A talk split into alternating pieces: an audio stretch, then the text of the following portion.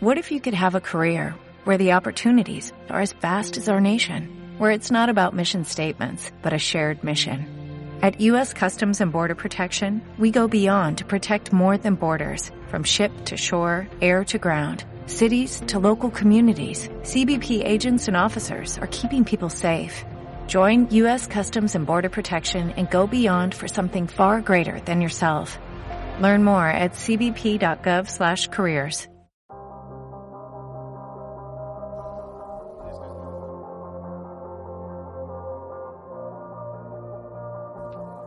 comença l'autobús. Bon dia, bona tarda, bona nit i benvinguts a l'autobús.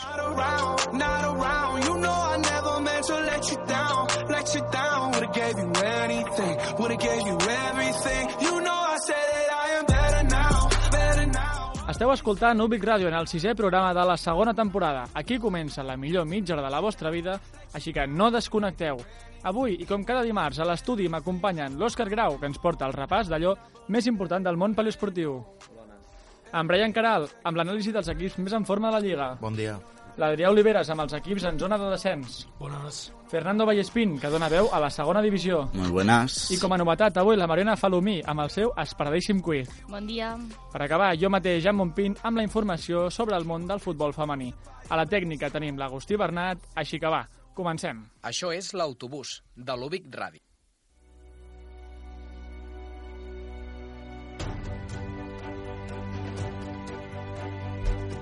Aquest diumenge es va viure al Camp Nou el primer partit de Quique Setién com a entrenador del Barça.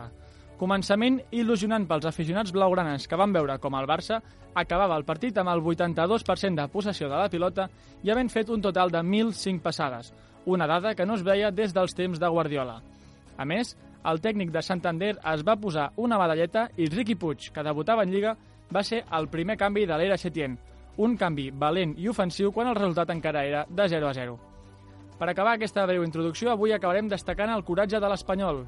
Després, Oliveres aprofundirà en el tema, però penso que cal fer una menció a les vora 3.000 persones que van desplaçar-se fins a Vilareal per fer costat a l'equip, en el que s'ha convertit en el major desplaçament de la història del club. L'antic precedent era el desplaçament també a Vilareal que van fer els socis i aficionats blanc i blaus l'any 2009. Un espanyol que assumia en la salvació i té la confiança de l'afició, que segur el recolzarà dissabte vinent a casa contra l'Atlètic Club. Anem amb la informació del món poliesportiu. Òscar Grau, tot teu.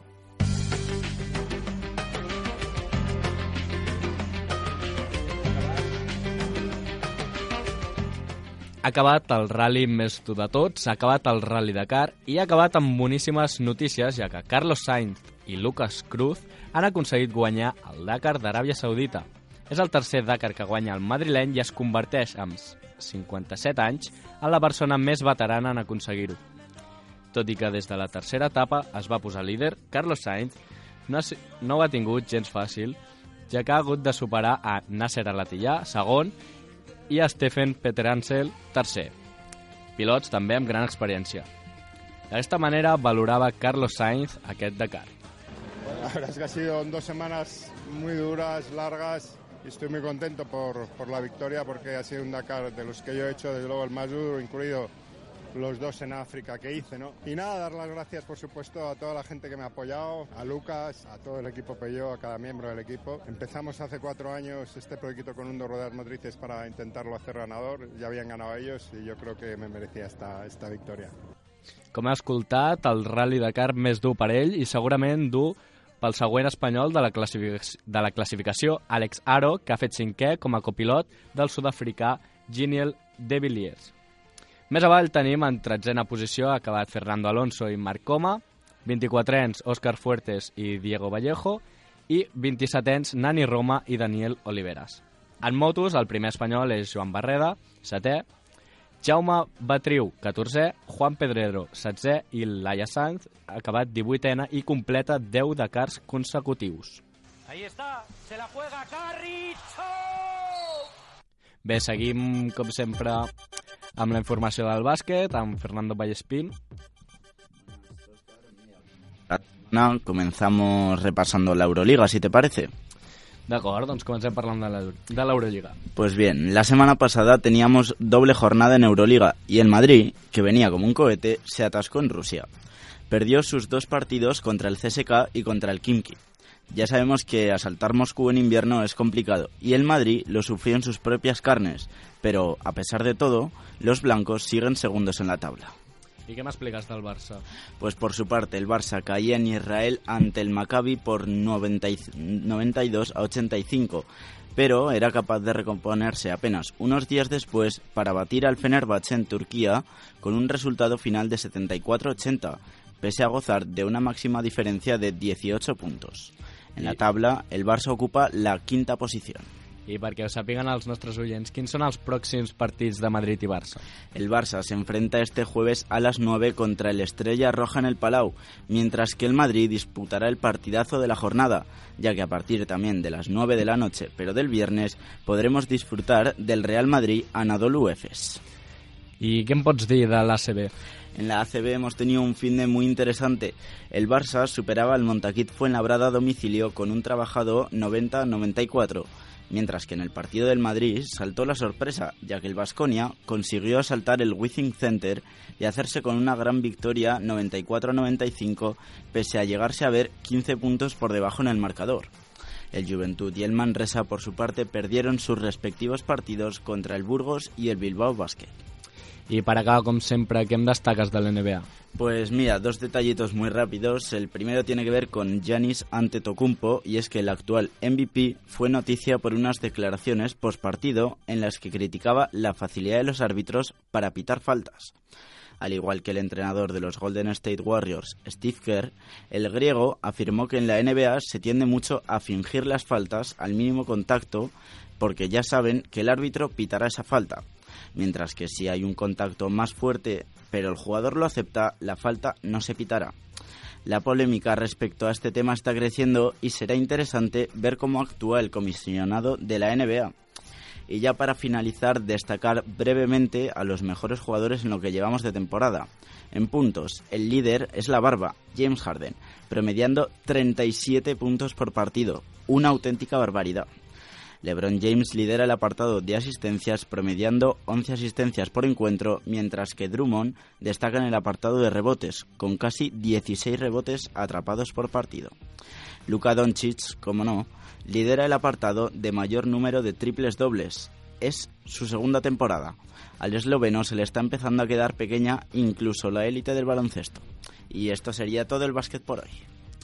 Doncs moltes gràcies, Fernando. Anem ara a parlar de l'europeu d'handbol amb Brian Caral. Com estàs, Brian? Què tal, Òscar? Bé. Doncs, i és que Espanya segueix invicta, no? Sí, així és. Els vigents campions de l'europeu no coneixen encara la derrota. I això deia l'MVP de l'últim partit, Jorge Maqueda. Bé, després escoltarem què deia Jorge Maqueda, si podem. Eh, Brian, perquè ho sàpiguen els nostres oients una mica, aquesta setmana quins partits eh, ens poden interessar de l'europeu? Sí, Òscar, sense anar més, eh, més lluny, avui a les 6 i quart de la tarda s'enfronten a Bielorússia. També m'agradaria destacar el partit d'avui dilluns a les 8 i mitja entre Àustria i Alemanya, ja que els, els germànics estan molt necessitats de punts en aquesta fase després de perdre contra Croàcia. I dimarts, un bon dia de partits, no? Demà també és un bon dia per a veure partits, en tenim tres. A les 4, Portugal-Eslovènia, els veïns, que són ara mateix una selecció emergent que està demostrant molt en aquest europeu. I a les 6 i quart de la tarda, Noruega-Islàndia, i a les 8 i mitja, Hongria-Suècia. Dimecres 22 de gener, l'última jornada, abans de les semifinals, quins partits hauríem de veure? Doncs segurament tots, començant per Croàcia-Espanya i el Portugal-Hongria de les 4, seguit pel Bielorússia-Àustria i el Noruega-Eslovènia de les 6 i quart. I acabant pels partits de les 8 i mitja, República Txeca, Alemanya i Islàndia-Suècia. Moltes gràcies, Brian. Estarem enganxats a Teledeporte aquesta setmana. Parlem ara amb el nou fitxatge de l'autobús. Ja veureu si de forma temporal. Mariona Falomí, haig de dir que és amant dels esports com el patinatge, l'esquí, l'esport d'hivern, la rítmica... Què tal, Mariona? Molt bé, Òscar, i tu? Jo molt bé. Ens vens a parlar avui sobre Caral Castellet, la catalana vigent campiona del món, no? Sí, sí, així és. La Ryder de Sabadell, el Castellet, ha guanyat la seva segona prova de la Copa del Món. La final de l'Ax Open es va disputar dissabte a la halfpipe més gran del món a Suïssa. És un títol molt emotiu per la sabadellenca, ja que el 2018 va fer bronze, el 2019 plata i per fi el 2020 ha aconseguit l'or. Moltes gràcies, Mariona. Molt bon debut. Parlem ara amb Adrià Oliveres, que ens porta una història molt interessant. Our dream is one, one that is true to come. Doncs bé, parlarem d'Andrea Benítez, l'espanyola pionera de l'skate professional. Fa més de 10 anys que va començar a fer skate i avui és una de les millors skaters del món. A part d'ocupar el seu temps entrenant, estudia engi enginyeria elèctrica, assaja amb el seu grup musical Blue Avocados de Califòrnia, dissenya la seva col·lecció de joies i, quan pot, es dedica també a la fotografia. Aquesta superdona serà la primera skater espanyola en representar aquest esport en uns Jocs Olímpics. Moltes gràcies, Adrià, per portar-nos aquest personatge. I és que quan, escol quan escolteu aquesta sintonia és que parlarem dels Jocs Olímpics de Tòquio. Em comprometo a portar-vos personatges interessants si n'hi ha i acabem aquí el poliesportiu. Anem directe a Revisió.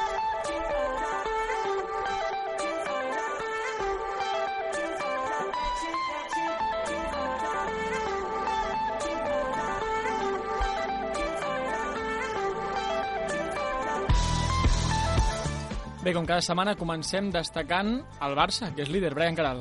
Sí, el Barça comença l'era Setién, podríem dir, en bon peu. L'equip va sortir amb un 4-3-3, però a la sortida de pilota, un 3-5-2 amb Sergi Roberto enmig dels centrals, això va provocar que Sergio Busquets jugués una posició més avançada a l'habitual i va ser el motor del conjunt blaugrana. Només pujava un lateral, Jordi Alba, un canvi bastant significatiu que no pugen els dos laterals a l'atac. Encara, encara queden molts canvis, però ahir el debut de Setién podríem dir que l'afició està il·lusionada. Una dada significativa que hem mencionat abans són les més de 1.000 passades i que Busquets va fer més passades que tot el Granada junt. Davant un Ansu Fati a la dreta i amb Messi i Griezmann amb llibertat per dins, la primera part el Barça la va tenir controlada però no va aconseguir acabar les jugades. A la segona meitat l'equip es va trencar i això va provocar que el Granada tingués alguna ocasió a la porteria del recuperat Ter Stegen. L'entrada de Riqui Puig i l'expulsió del jugador del Granada, Germán, van ser el punt d'inflexió del partit que finalment, amb una robada de pilota de Riqui i amb una jugada d'Arturo Vidal, que la va deixar per a, Messi, per a que Messi marqués el 1-0. Va costar, va costar marcar el primer gol, però el nivell vist de concentració i de pressió de l'equip és ben diferent que el vist fi, fins ara, i anirem veient. La propera parada del Barça és a Ibiza, un equip de la segona B. Recordem que la Copa és a partit únic i que si el Barça vol ser els vuitens de Copa ha de guanyar. Pel que fa a la Lliga, visitarà Mestalla dissabte a les 4 de la tarda, un camp sempre complicat. Seguim, si et sembla, Brian, amb el segon de la Lliga, el Real Madrid. El Madrid guanya en polèmica al Bernabéu davant el Sevilla. L'equip de Zidane aconsegueix treure els 3 punts, però mostra una actitud molt baixa. El Sevilla va disposar de diverses ocasions la primera meitat i va ser el Bar qui va passar una mala jugada per al Sevilla. Per a mi és una jugada que va passar passa molts de cops i si cada vegada es xiula penals, hi haurà més penals que... Bé, no entrarem més en el tema. El Madrid, sense Benzema, encara té menys gol i vull dels migcampistes i en un mom moment especial de Casemiro, que amb els seus dos gols va donar una victòria important davant un bon Sevilla que segueix quart en zona Champions. El Madrid aquest dimecres té partit de Copa al camp de l'Unionistes i visitarà diumenge a les 9 de la nit al Valladolid, un equip que com el Madrid també té falta de gol. Anem al tercer classificat, que és l'Atlético de Madrid. L'Eibar deixa l'Atlético tocat i a, i a 8 punts del Barça i del Madrid. L'Atlético va fer segurament la seva pitjor primera part de la temporada. Només va saber tirar pilotades per lluitar les segones jugades. Amb un camp de petites dimensions com Eibar no li va sortir bé i va estar condemnat des del minut 9 quan s'avançava l'Atlético amb una rematada a l'àrea petita. I no es va veure res destacable de l'Atlético amb un Jou Fèlix que sembla més que una cortina de fum. A l'últim minut l'Eibar certificava la victòria per 2 a 0. Tres punts molt importants per escalar posicions i allunyar-se del descens. L'Atlético té partit de Copa el dijous al camp de la Cultural Leonesa i rebrà el Legan, un Leganés tocat després de perdre 0-3 a casa. Gràcies, Brian. Parlem ara dels equips de l'Europa League amb la Mariona Zalomi. El primer equip que trobem en posicions d'Europa League és el Getafe, que amb 33 punts ocupa la cinquena posició, després de guanyar el derbi del Madrid al camp del Leganés 0 a 3. El partit se li va posar de cara al Getafe amb el primer gol de Cabrera al minut 12. Més tard arribaria el gol de Nion al minut 22 i finalment tancaria el partit Jaime Mata abans de la mitja part. El Getafe rebrà el Betis en el següent partit de Lliga. L'altre equip en zona europea és la Real Societat, que porta dos partits seguits sense conèixer la victòria. Aquest cap de setmana ha perdut el camp del Betis. Els locals van fer un partit molt seriós en defensa i van aconseguir els 3 punts. Els dos primers gols van arribar a la primera part gràcies a Borja Iglesias després d'un córner i gràcies a, a Joaquín, que va marcar la passada d'Emerson. El tercer gol va arribar al temps afegit de la segona part amb la bona finalització de Canales. La Real Societat es queda amb 31 punts i la setmana que ve rebrà el Mallorca, però abans tindrà la jornada de Copa a casa contra l'Espanyol. Gràcies, Mariona. Acabem el repàs de la classificació de la jornada 20 amb els equips en zona de descens. Adrià Oliveres, endavant. Doncs bé, començarem parlant dels partits que tenen entre setmana els equips del descens. Com ja ha dit Mariona, l'Espanyol s'enfrontarà a la Reial Societat a Noeta. El Leganés tindrà a priori un partit més fàcil contra un segona B, com és el Club Deportivo Ebro. I per acabar, el Celta, que anirà fins a Castilla i, i Lleón, perdoneu, per enfrontar-se contra el Mirandés. Anem ja a la Lliga i parlarem del CUE, l'Espanyol, on va guanyar 1 a 2 i, permeteu-me l'expressió, va jugar a casa, ja que, com bé has comentat abans, Jan, prop de 3.000 aficionats van, van desplaçar-se fins la ceràmica. I, a més, el desplaçament de tots els aficionats eh, va estar financiat per la plantilla. Per tant, tres punts molt importants per, per tant, tres punts molt més que importants per l'equip blanc i blau. De seguida s'avançava l'Espanyol al minut 6, gol de córner de David López, després Canal de la Pentinés cap al segon pal. Minuts més tard, l'Espanyol va reclamar penal, en una claríssima ocasió de gol. Fins al principi de la segona part no es va moure el marcador, on Raúl de Tomàs va rematar una centrada de Caleri per posar el 0-2 al marcador. Penal semblant pel Villarreal, on aquesta vegada el Bar s'hi va pitar penal. Santi Cazorla va marcar de penal per l'equip groguet. Per tant, Raúl de Tomàs és més que, que 22 milions d'euros, també és treball i gol, és a dir, debuta a la Copa i marca, i a la Lliga igual. I també esmentar un nou fitxatge de l'Espanyol com és Leandro Cabrera procedent del Getafe. L'Espanyol ha pagat la seva clàusula de 9 milions. El següent partit de Lliga de l'Espanyol és a casa contra l'Atlètic Club. El Leganés va perdre 0-3 a casa, de, a, a casa contra el Getafe, que ben ha explicat Mariona, així que passarem directament al Celta, el 18è classificat. El Celta va treure un empat valuós a Sant Mamés. Primera part de moltes ocasions, però sense obtenir fortuna, i a la segona part arribarien els gols. S'avançaria el Celta amb gol de Rafinha des de fora l'àrea i a 15 minuts pel final empataria l'equip local de penal. Raúl García n'era el golejador. El següent partit del Celta és a casa contra l'Eibar. I això és tot, Jan. Gràcies, Adrià. Anem amb el futbol femení.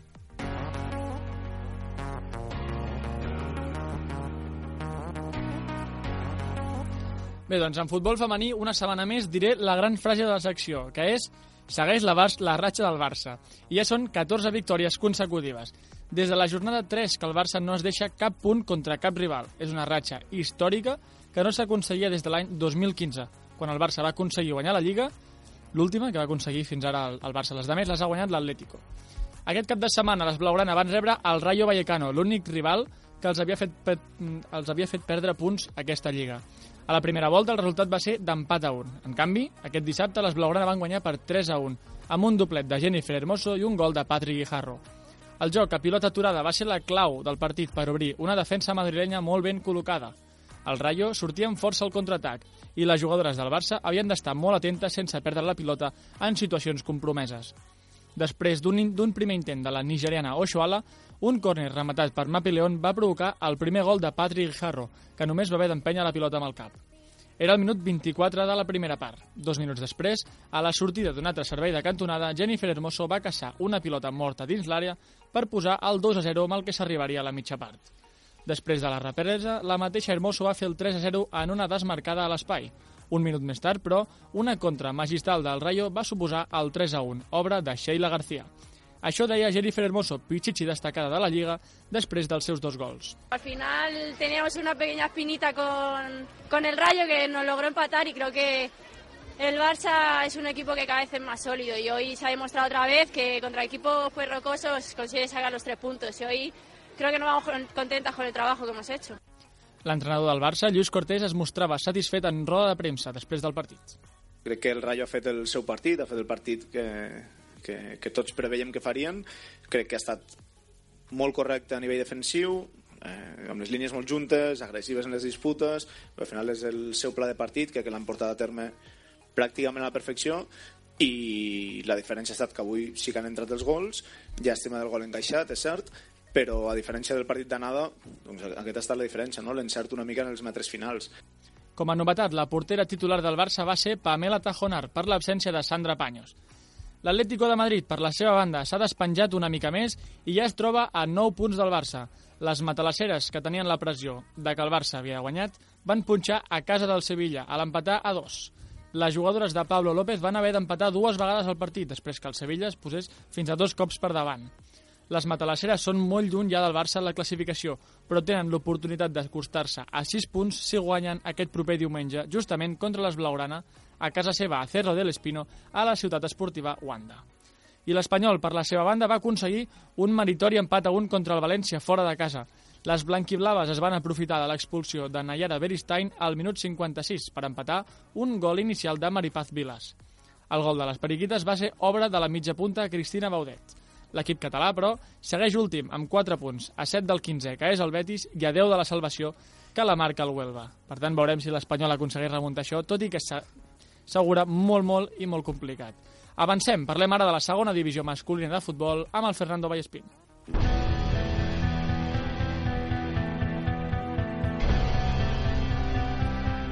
Y vamos con la segunda división, Jan. Cada semana, como bueno, y como cada semana, lo primero es un repaso a la tabla de clasificación. Mira, aquí trobem en els llocs d'ascens directe. Pues mira, por fin tenemos cambio de líder y es que esta semana, después de la doble jornada intersemanal de la semana pasada, se encuentra el Almería como líder después de ganar por 1-2 en Almendralejo al Extremadura y se ubica en primera posición con 45 puntos. El Cádiz, por su parte, baja a la segunda posición después de perder en Riazor contra el Deportivo por 1-0. Per tant, Almeria i Cádiz que comparteixen aquesta primera posició amb 45 punts. I qui ocupa la resta de posicions del playoff, Fernando? Pues mira, en tercer puesto encontramos al Huesca, que empató en el campo del Oviedo con 40 puntos.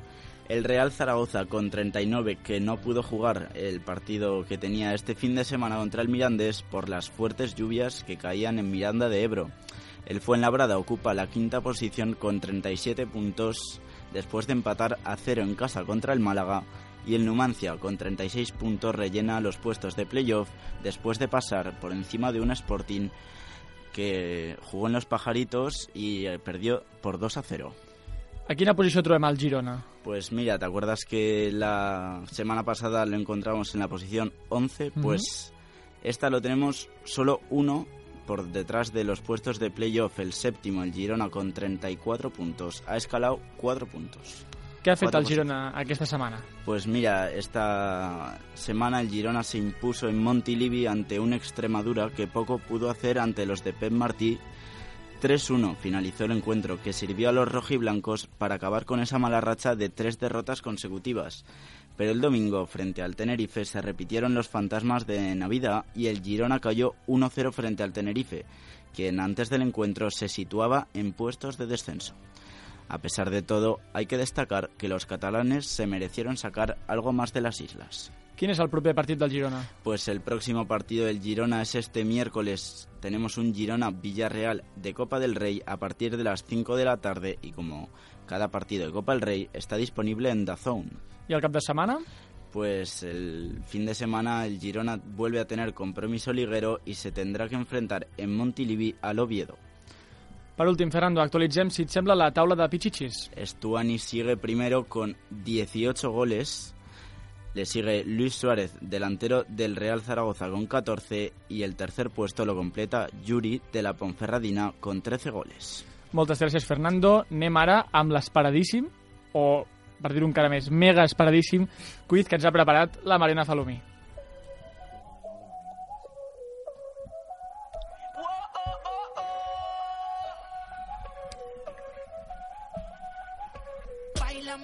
Como si fuera la última vez y enséñame ese pasito que no sé, un besito bien suavecito, bebé. Taqui taqui, taqui taqui rumba. Vinga, doncs comencem aquest quiz. Mariana, tot teu avui, tranquil·la, que anem bé de temps. El quiz avui tractarà sobre la Copa del Rei Uh -huh. i farem un repàs dels punts acumulats als anteriors programes. Brian, tens 10 punts, Fernando, 10 punts, Adrià, 7 punts, Jan, 7 punts i Òscar, 7 punts. Ui. Anem palmant, eh, Adri i Òscar? Bueno, estem, estem ajustats. Bueno, estem allà. Bueno, va, comencem per la primera pregunta amb el Brian. I mm, quin és el resultat de la final de l'Espanyol contra l'Atlético de Madrid de la temporada del 1999-2000? Havia acabat de néixer. Sigui. 1 a 3, 2 a 1, Ah. 2 a 1, 1 a 0 o 1 a 2? M'has dit Espanyol-Sevilla. No, No, no, Espanyol, Atlètic de Madrid. Si, es, Ai, si escoltem... mare meua, Espanyol, Atlètic si de escoltem... A veure... Torna-ho a dir. Sí, exacte. Torna-li a fer la pregunta Vale, perquè va. no s'ha enterat de res. Brian, atiende, Sí, sisplau, sí, vinga. sí. A veure si em descarto ja. El resultat de la final de l'Espanyol contra l'Atlètic de Madrid la temporada del 1999... El del 2000. 1 a 2, no la jugo. No sabia. Mm, no. No. Oh, chico. Se la pensa. Quin era? És 2 a 1. Oh. Uh. Quasi, eh? Al Quasi, revés. quasi, però molt al revés. no, però no. Quasi, però no. ah, Això ho ha, fet, ho ha preparat Aniol i ja l'ha fet. Amb molt mala llet, es, es nota aquí... La- 99, la és inquina. quan vaig néixer. Vinga. Eh, Després pel Fer, Fernando. El resultat del final del Celta de Vigo contra el Zaragoza la temporada del 2000-2001. Mira, aquesta personalitzada per tu, Saragossa. Uh, xaval. esto la tens L'han que pensat per tu. Sí. Però dona les opcions, sisplau. Eh? Escucha les opcions, va. El partit. 1 a 2, 1 a 0, 1 a 3 o 1 a 4. Espavilaco. 1-2. Mm, no, No. Vaya. 1-3. 1 a 4. Bé, bé, bé. Aquests, aquests dos són els que han de palmar. Si, guany- si encertem nosaltres tres, són tres Tres punts per cadascun, Són no? empat, Sí, empat. sí. Vale, avui es fa l'empat. No, a veure- a veuràs. Vale, Vinga. per l'Adrià. Resultat final de l'Atlético de Madrid contra el Sevilla la temporada 2009-2010. 0-2, 1-2, 4-1, 3-2. Hi ha hagut tongo. Estic 4-1. Sí. Atenció, atenció. Atenció, atenció. Va, 4-1. Me la jugo. Adrià, has de- has de- has d'escalar posicions, eh? A poc a poc. Segur? Seguríssim. Ho estic mirant aquí al Twitter. No, no, no. Um, ho sento, però incorrecte. Oh! Tu, avui s'ha 3 de passat, 3. O sigui que no sumes els 3 punts. Des d'aquí molts records per l'Anió. no? Aniol, vete ja. Avui, qui sap que no el podem És l'oportunitat per tirar-lo fora, eh, avui. Ja està. De... Vinga, seguim, seguim. El resultat de la final del Barça contra el Madrid la temporada del 2013-2014. Fàcil, xicos. Que vosaltres que és el pressing. Ho deixo anar. Va, va, 2 opcions. a 1, 3 a 1, 1 a 2, 2 a 2.